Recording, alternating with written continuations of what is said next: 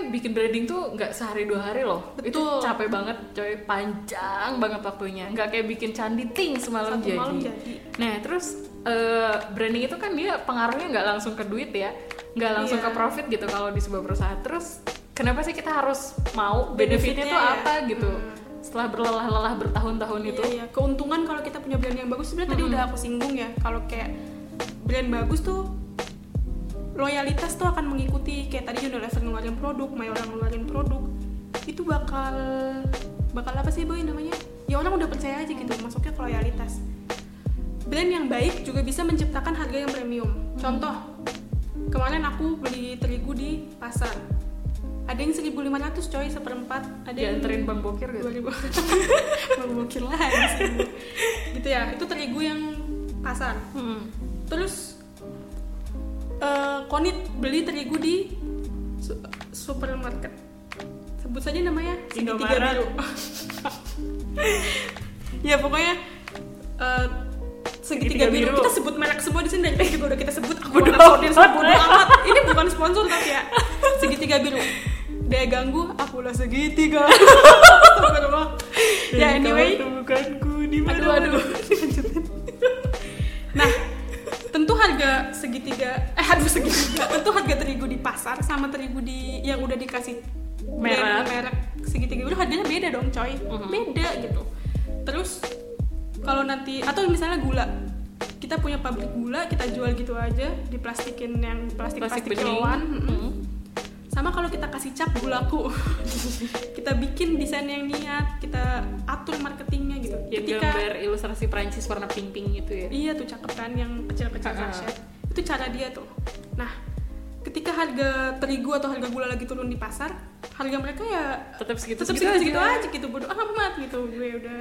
Dan ada aja yang beli coy. Iya, terus Karena mereka anehnya- punya pasarnya masing-masing. maksudnya mereka kan tahu ya itu isinya tuh sama aja sama gitu aja gula, terigu, tapi mau beli karena brand bodoh sama lah kayak misalnya orang-orang yang udah menghamba banget pada merek Apple misalnya. iya Mau Apple ngeluarin produk seenggak rasional apa pun kayak yang kayak bentuk speaker parutan gitu. itu iya itu. kayak apa pun lah. Tapi masih ada yang menyembah. ada yang beli gitu itu itu brand yang bagus creates price premium. Eh apa sih? Ya itu bener. Iya. atau kayak ini tau yang dahsyat banget tuh eh boyband girl band Korea. Itu tuh ternyata di, dibentuk banget coy.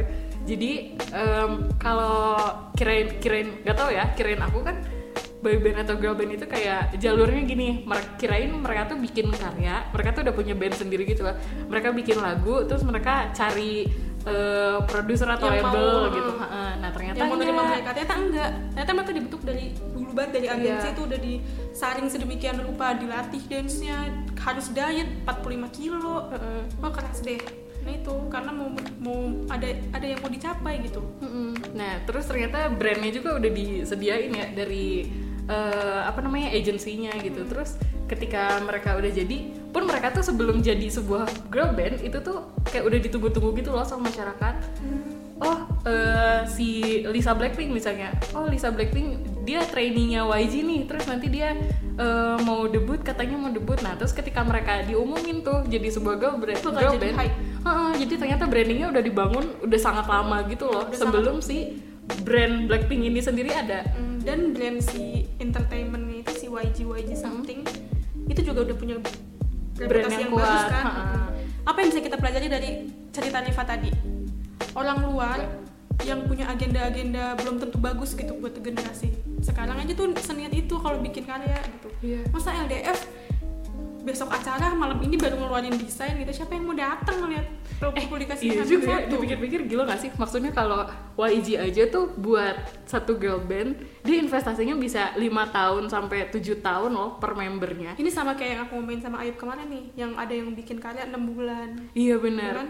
Nah sedangkan kita buat nge-mentor adik-adik setahun dong.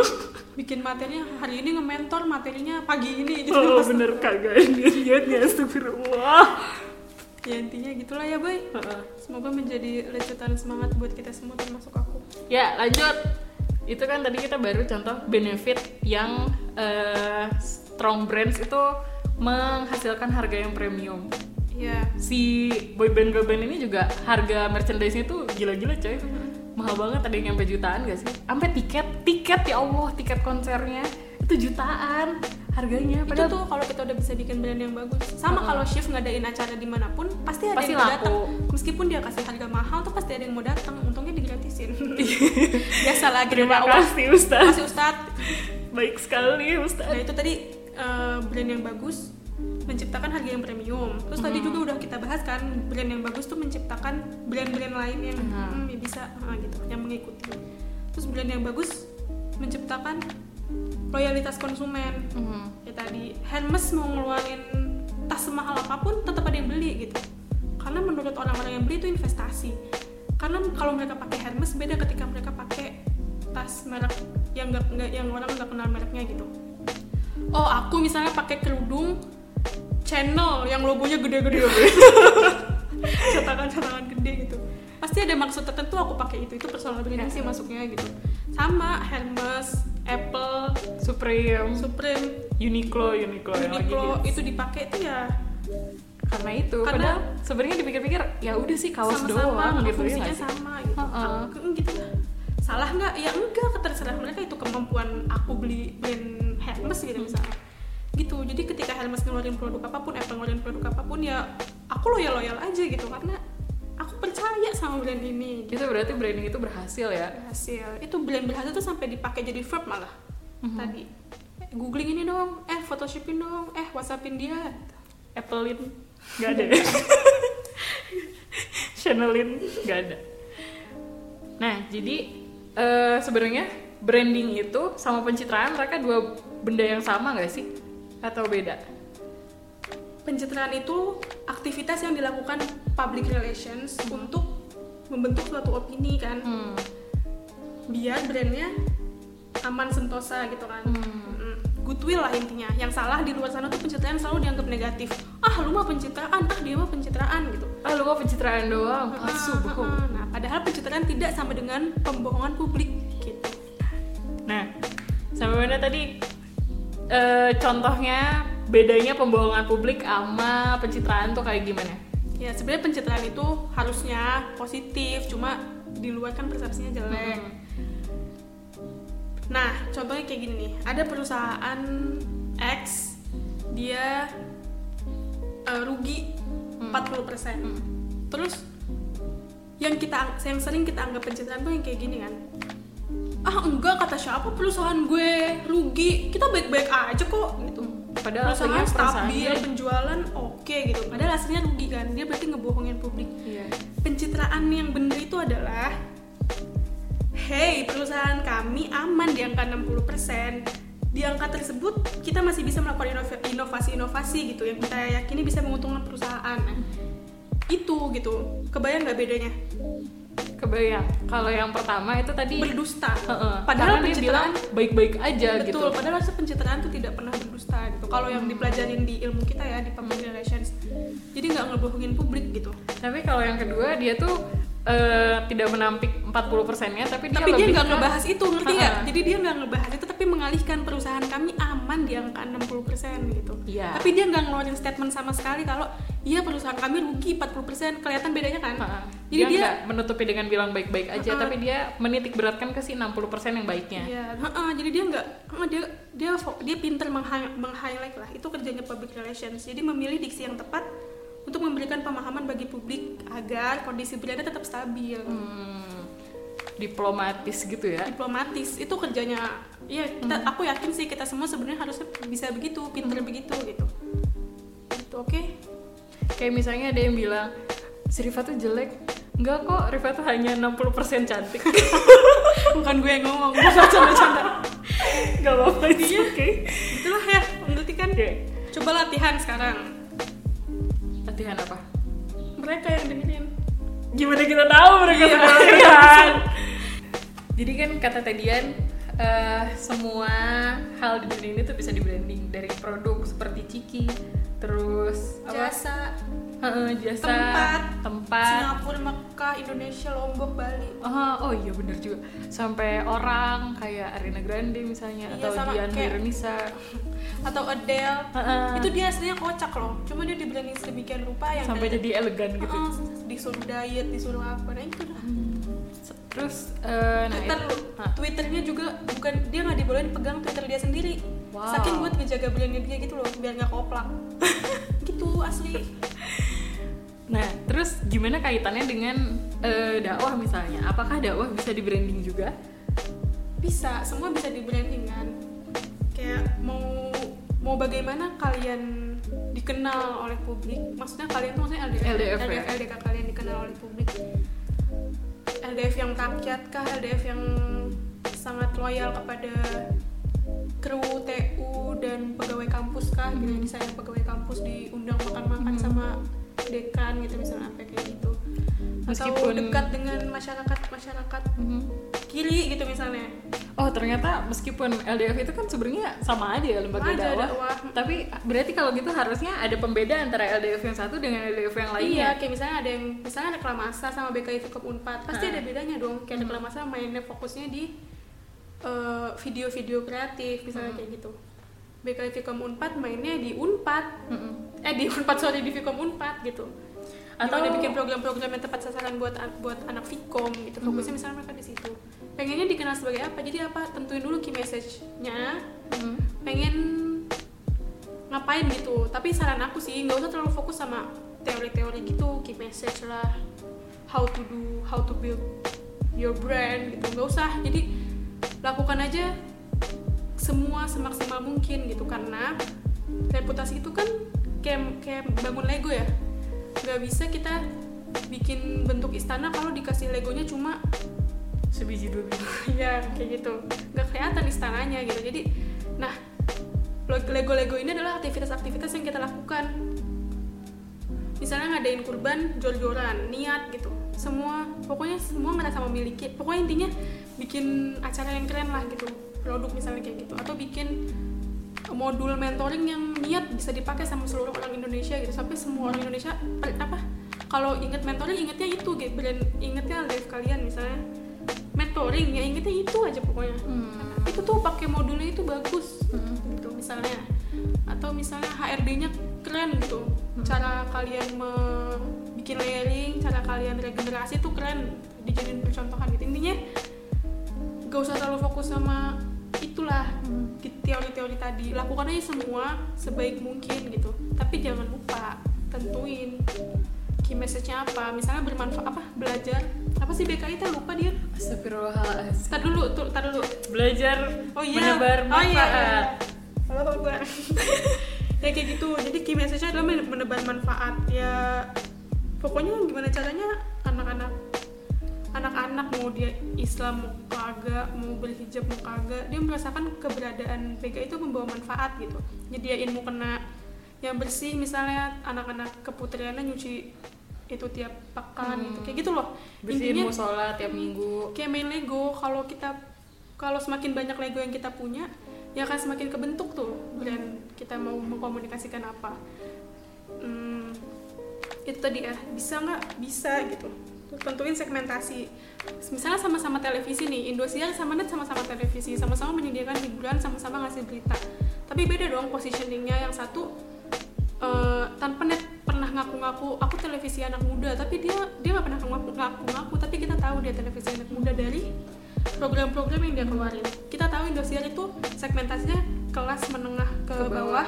karena yang dari program-programnya gitu kita lihat. Kayak gitu contohnya. Jadi gitu deh apa pun yang kita keluarkan ini atau tadi eh apa kerudung misalnya Hmm. kayak kalau yang high class itu pasti pakainya Jenhara, ya yang meho Ria Miranda Ya. kayak gitu-gitu. Kalau yang Middle middle, class, class, pakainya Afra, Afra misalnya. lah gitu atau misalnya. hijab alila misalnya. ya Atau yang apa lower lower class Hmm? pakainya yang sepuluh ribuan yang ada di Oh, pasar. ini ya kerudung sakinah kalau iya benar kayak gitu aku jadi ingat cerita dosen aku nih Butri namanya. Halo Butri. Halo, waalaikumsalam. Butri itu pernah bilang eh kayak tadi jangan anggap jangan anggap apa-apa yang kita keluarkan itu sebagai beban tapi anggaplah sebagai investasi yang akan kembali lagi ke kita. Kita pakai apa kita dengerinnya apa itu tuh semua investasi yang akan membentuk kita dan brand kita gitu LDF melakukan apa LDF ngeluarin program apa proker apa gitu itu semua bakal balik lagi tuh ke LDF kayak contoh Putri bilang misalnya kamu datang ke sebuah perusahaan duduk diem terus kamu dikasih makanan kotak kotak kecil snack snack gitu yang nggak ada mereknya yang nggak ada labelnya warnanya putih gitu. Sama satu terus dikasih minumnya minuman gelas yang minuman gelas almaksum gitu Oh. misalnya merek almaksum sama bayangin kamu datang ke satu perusahaan dikasih makanan kotak ada ada brandnya Holland Bakery Hmm. sama minumnya tuh di gelas gitu ya di enggak enggak minumnya tuh botolan aqua Oh, iya botol benar. tapi dikasih gelas juga yang ini Ah. gitu padahal kalian sama-sama ke situ tuh tujuannya sama untuk minta proposal eh untuk apa ngajuin proposal misalnya Hmm. misalnya ya udah ngerasain kan tesnya beda banget. Nah itu adalah kan coba deh kalau dipikirin kesannya kita, beda banget gitu ya? Hmm, beda banget. Kita sebagai peng- Hmm. user pengguna tuh kita ngerasa sebagai tamu ih beda bisa nih Iya. gitu. Nah itu akan membentukkan di kepala kalian oh si ini mah perusahaan ini lebih niat lebih niat, lebih baik, gue. lebih ini. Nah, bayangin sekarang kalian tuh kan tadi kalian sebagai tamu bayangin kalian sekarang sebagai perusahaannya tuan rumahnya. Agak males kan ya kita ngeluarin modal sedikit lebih banyak buat ngeluarin duit Holland Bakery Heeh. terus aquanya aqua botol yang belum tentu habis juga terus botol kaca lagi mahal Iya, terus enggak ya udah deh. Terus ngeluarin gelas gitu misalnya ngeliat gelas-gelas bagus. Yang nanti harus kita cuci juga gitu. Iya, ada Rasanya cost tuh- buat pantry harus nyuciin itu Rasanya tuh pengennya tuh yang simpel-simpel aja ngeluarin kotak putih tadi gitu. Gak Tapi usah lah, sama aja kalau kita mikirnya panjang, brand itu kan tadi ya reputasi jangka panjang. Ya, kita pasti ngelakuin yang home bakery. gitu. Hmm. Karena kita nggak menganggap itu sebagai pengeluaran, tapi kita menganggap itu sebagai investasi. Agar si tamu bisa bicara baik tentang kita nanti di luar sana. Hmm. gitu. Itu gitu deh. Sama lah berarti itu namanya stakeholder sih. Tamu tadi tuh disebutnya kita bisa disebut stakeholder. Sama berarti kalau LDF stakeholdernya tuh bisa pembina pembina LDF bisa apa bisa ini loh teman-teman sekitar Hmm. gitu loh kayak kita sahabat Pengunjung PKI. musola, ya, pengunjung misalnya. musola itu tuh stakeholder gitu kalau di perusahaan tuh investor juga Hmm. customer pemerintah juga itu tuh stakeholder perusahaan rokok misalnya berat banget tapi contohnya perusahaan rokok ya stakeholder yang paling harus dia pegang tuh ya pemerintah pemerintah ngeluarin UU yang nggak perlu dia dikit ya udah bubar. kelar gitu ya coy. Jadi harus pintar-pintar pendekatan. Oke ya aku jadi inget lagi nih eh, cerita Pak Sani. Pak Sani lagi. Halo Pak. Pak Sani tuh pernah cerita ke gue. Saking pas dulu kan dia kerja kerjanya nggak sebagai dosen. Terus dia punya atasan. Hmm. itu tuh orang PR tuh yang kerjaannya deket-deketin jurnalis. Karena nanti suatu ketika nanti ya pokoknya hubungan jurnalis dan PR tuh emang deket coy Love hate relationship mm, love gitu. hate relationship betul. Oke. Kalau Pak Sandi tuh mengibaratkan kayak sleeping with the enemy. Oh my god. Gitu. Jadi kayak tidur sama musuh kita ya gimana nih gitu ya anyway beliau cerita suatu ketika tuh disuruh beli iPod gitu hadiah iPod. San beliin hadiah ini iPod. Ah buat apa mbak? Buat itu ngasih hadiah ke anaknya. Contohnya doang ya aku contohin aja nih anaknya redaktur Kompas gitu Hmm. misalnya. Anaknya loh bukan redaktur Kompasnya loh. Terus mbaknya bilang kayak gini oh, oke mbak mau beli apa? iPod. Buset niat banget kan Wah, belinya Ah, terus mahal banget. gila. Terus warna ungu. Hmm. mbaknya tuh sampai tahu. Ulang tahun anaknya redaktur. Hmm. warna kesukaannya ungu. Apa yang dia butuhkan iPod misalnya kayak gitu gila coy PR pun kayak kayak Sampai gitu. segitunya ya? sampai seniat itu dia eh itu jadi ke mana-mana maaf deh nggak apa-apa intinya itulah buat LDF Sakofah. Sakofahnya diperluas Nah, kalau misalnya buat LDF gimana nih? Berarti kita harus berbaik-baik kepada stakeholder. berbaik-baiknya bukan peres juga tapi ya kalau pakai bahasa berbaik-baik tuh kayak peres lakukan se, se- in- insya Allah yang kalau kita Bukan lakukan dari hati ya? bukan kalau kita lakukan dari hati bakal nyampe ke hati juga kok misalnya kita nggak mampu beli Holland Bakery Hmm. tapi kita ngasih itu dengan cinta insya Allah akan ada nggak ini kok nggak nggak bakal ke mana-mana hal jazaul ihsani illal ihsan Hmm. nggak ada balasan selain kebaikan selain kebaikan juga Nah, selain dari si itu kan Holland Bakery sama memperlakukan stakeholder dengan baik itu kan salah satu contoh dari membangun branding yang bagus. Nah, Mm-mm. sebenarnya teknik membangun brand yang bagus itu kayak gimana sih gampangnya? Nggak gampangnya sih, iya. E, cara membangun brand yang bagus itu kayak gimana? Ada tekniknya gak sih? sebenarnya tekniknya tuh panjang pisan ya terus disiplin ilmu yang bisa melaksanakan eh disiplin ilmu yang bisa berkutat di dalam itu juga banyak jadi tadi gimana cara bangun brand Brand. itu brand building itu satu bahasan tersendiri yang sangat panjang gitu. Dan kita nggak akan pernah tahu formula tepat kalau kita nggak riset. riset dan nyobain langsung. Jadi kalau di humas tuh sampai tertanam di alam bawah sadar aku yoi. apalagi pas ospek. Dikit-dikit tuh ngomongnya fact finding fact finding fact finding. Karena itu modal kita bergerak gitu. Research itu tuh kayak data awal kita mau bawa ke mana coy. Kita tuh harus benar-benar listen and learn what people needs what people wants gitu kan. Itulah intinya. Nah terus gimana cara ngebangunnya? Yaitu panjang singkatnya mah kalau kayak poak poak aktivitas PR itu intinya di poak planning fact finding tadi. Dari fact finding kita bikin rencana terus kita oh organizing di eh, diaktualisasikan juga dan dicek controlling gitu. Nah tips mudahnya mah kalau kata Pak Henry Hussein aktivasi 5 sensor panca indera kita. Jadi contoh kita masuk ke Starbucks. Wanginya udah enak kan? Wanginya kita- wanginya pasti se mau Starbucks di negara mana pun wanginya pasti wangi kopi parfumnya parfum kopi gitu. Terus cahaya tuh cahaya-cahaya cozy tenang redup gitu kan. Musiknya tuh musik-musik yang mengalun pelan dan lembut. Gak mungkin Starbucks di Jakarta nyetelnya musik punk rock. punk rock gitu nggak mungkin. Punk rock jalanan. Saya tuh zaman SMP zaman SMA ya lupa lah. Zaman kita beda betul aku maaf ya mohon maaf. Sip mantap. Ya intinya gitu ya. Terus peraba gitu. Kita merasakan lembutnya sofa. Lembutnya sofa karpetnya juga enak. Misalnya em pakai karpet pakai kayu-kayu gitu. Nggak pernah masuk Starbucks. Iya jangan ya coy. Eh, aku kasih pesan terselubung di sini sekalian. Kalau kalian peduli pada Palestina, jangan beli Starbucks. Sama McD jangan.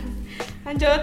Perasa juga rasanya kan rasa kopi di Merauke sama di Sabang. Emang di Merauke ada Starbucks ya anyway kalau ada itu rasanya sama gitu tesnya sama nggak mungkin berubah standarnya karena mereka udah pada punya SOP-nya gitu gitu itu tuh mengaktifasi lima panca indera itu tuh mereka demi mencapai tujuan agar membuat pengunjung merasa seperti di rumah ketiga gitu. Kok rumah ketiga? Starbucks adalah rumah ketiga. Rumah pertama kan rumah sendiri. Heeh, rumah rumah kedua? kedua kan kantor. Oh. Rumah ketiga tuh itu tempat nongkrong. nice. jadi larinya pul ya gitu. Nah, jadi mereka mengaktifasi lima sensor itu coy. Mhm.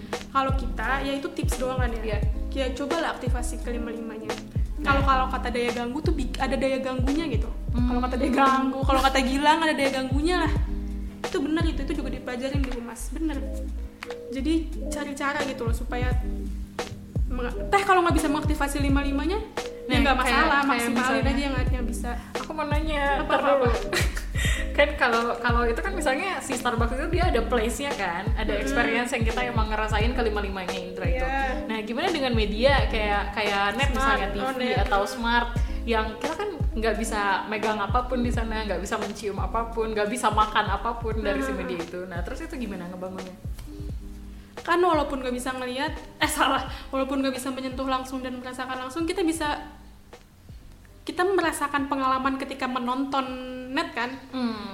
ketika menonton pencahayaannya segini beda sama trans. Pencahayaannya gini layarnya beda gitu. Gradingnya beda. Heeh. volume juga beda kalau diperhatiin. Oh iya, iya. misalnya kalau di volume di TV ini lima cukup di TV yang anu beda.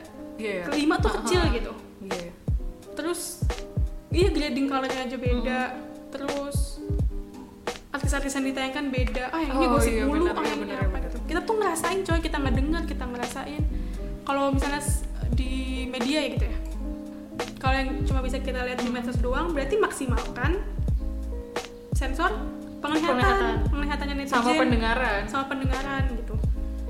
Eh, misalnya Froyonion dia pasti isi videonya bercanda-bercanda kacrut-kacrut gitulah. Itu tuh tanpa sadar kita udah selain penglihatan dan pendengaran kita juga ikut ngerasain gitu loh. Mhm. oh mer- mereka tuh pembawaannya kayak gini. Beda misalnya dengan shift semain-mainnya mereka tetap aja gitu beda. Lebih adem gitu ya rasanya. Beda gitu hati. penyampaiannya sama cara Froyonion gitu. Walaupun sama-sama asik tapi beda tipe asik ya nggak? Nah, gitu contohnya. Jadi jangan terfokus oh harus aktivasi aktivasi lima panca indera gitu. Terus ya udah gitu habis pengen aktivasi lima limanya padahal hidupnya di medsos. Hmm. ini kan aktivasi lima panca indera contohnya di brand kehidupan nyata ya coy. Iya. Eh, tapi bisa juga dipraktekin ya mesti nggak sih mengaktifasi lima panca indera ini? Gimana, Gimana caranya? Eh, kita bikin ciri khas pernah nggak ngerasain ke bank? Tiap bank itu pasti wanginya beda. benar benar benar benar Kayak bank pip itu wanginya lebih ke flower flower Oh, gitu. flowery. Bank lain wanginya lebih ke seger-seger gitu. Nah pun itu bisa juga kalian kan pasti LDF punya musola sendiri-sendiri kan. Nah itu cobain lah di branding. Kayak misalnya setiap masuk situ wangi kayu Oh, wangi kayu misalnya bener. atau wangi kopi atau karpetnya misalnya standar karpet kita minimal sekarpet bioskop Yo. bisa jadi kayak gitu kan kalau emang kalian niat ya itu bisa, Bisa. jadi branding yang baik ya buat kalian terus pasanglah logo LDF yang banyak di situ kayak Banyak. menunjukkan bahwa nih kita nih yang membranding masjid itu itu tuh bakal membantu banget ke branding LDF kalian sendiri ya nggak wah Iya. gila ngurus masjid aja niat nah kalau Gitu. contoh pasang tuh logo yang banyak itu tadi contoh iklan ya iya dia contoh kelihatan iklan. gengges gengges ganggu kan kayak Heeh. apaan sih nih gitu tapi mau nggak mau nanti nyampe ke top of mind-nya para pengunjung musola. Nanti bakal sampai inget oh wangi kayu eh kayak masjid BKI deh kayak gitu. ini tahu coy kayak kalau lo masuk ke Eiger. Iya kan iya benar beh cah, cakep banget coy. Atau Lantainya bioskop kayu. bioskop. Oh, oh, beh cakep dah. Bioskop kan gitu ya pasti pas masuk wangi popcorn. Iya iya iya. Hmm, ya Hmm. gitulah. Maaf saya sudah lama tidak ke bioskop. Sekalian Sama. lagi nih pesan-pesan terselubung. Nggak usah ke bioskop lah buat apa. Indo XX1 aja. Gak masuk. Apa lagi nih? ya terus apa lagi? Ya intinya itu sih. Nah, closing statement. Itu branding nggak bisa dibangun. Branding itu nggak kayak candi yang bisa dibangun satu malam. Hmm. Dan reputasi itu investasi jangka panjang. Hmm. Jadi jangan dimainin. Do your best Ahsanu amala oke. Agak jelas dan disclaimer lagi ya teman-teman yang namanya belajar branding itu nggak mungkin dalam sekali kick langsung jago ya nggak? Iya tapi harus pasti. baca buku yang banyak Hmm. harus belajar lebih banyak lagi Dan yang paling penting yang lain. harus coba coy. Iya benar harus dijalanin. Coba trial error nggak apa-apa Yang penting by set. Kalau belajar doang tapi kagak dipraktekin juga percuma aja ya. Iya, mulai deh dari diri sendiri. Coba branding diri sendiri. Walaupun branding diri gue apa kabar? Branding gue juga. Oh, enggak lah kita tetap punya branding kita masing-masing coy. Walaupun gue nggak punya IG walaupun lu followersnya jauh dari konit tapi kalau ketika ada orang butuh desain dia ngubunginnya lo gitu nggak ngubungin konit. Iya, iya. kalau orang butuh moderator hubunginnya pasti Tedian bukan Teko kayak gitulah. Kita iya. setiap kita tuh pasti punya uniquenessnya masing-masing coy. Iya. Toh semangat jadi kita say goodbye nih. Yut oke alhamdulillah ya Allah. Ada lagi nggak yang mau ditanya? Mau nanya apa lagi? Udah ya. Udah capek. Kalian nggak jawab sih udah. Iya gimana sih? Dah Ya udah. Semoga ada manfaatnya. Amin ya Allah. Kalau ada pertanyaan boleh banget eh, DM IG kita. Karena kita mulutnya sudah kering dan iya keriting. coy. Eh, ya udah deh, pamit dulu. Gak niat banget sih. kau yang ceria dong ya udah kalau gitu makasih banyak udah dengerin. Kalau mau nanya sok nanya ya di IG mangga. Eh, Tedian pamit. iya dadah Acu pamit dah. Assalamualaikum warahmatullahi wabarakatuh. Wah, aku lah segitiga.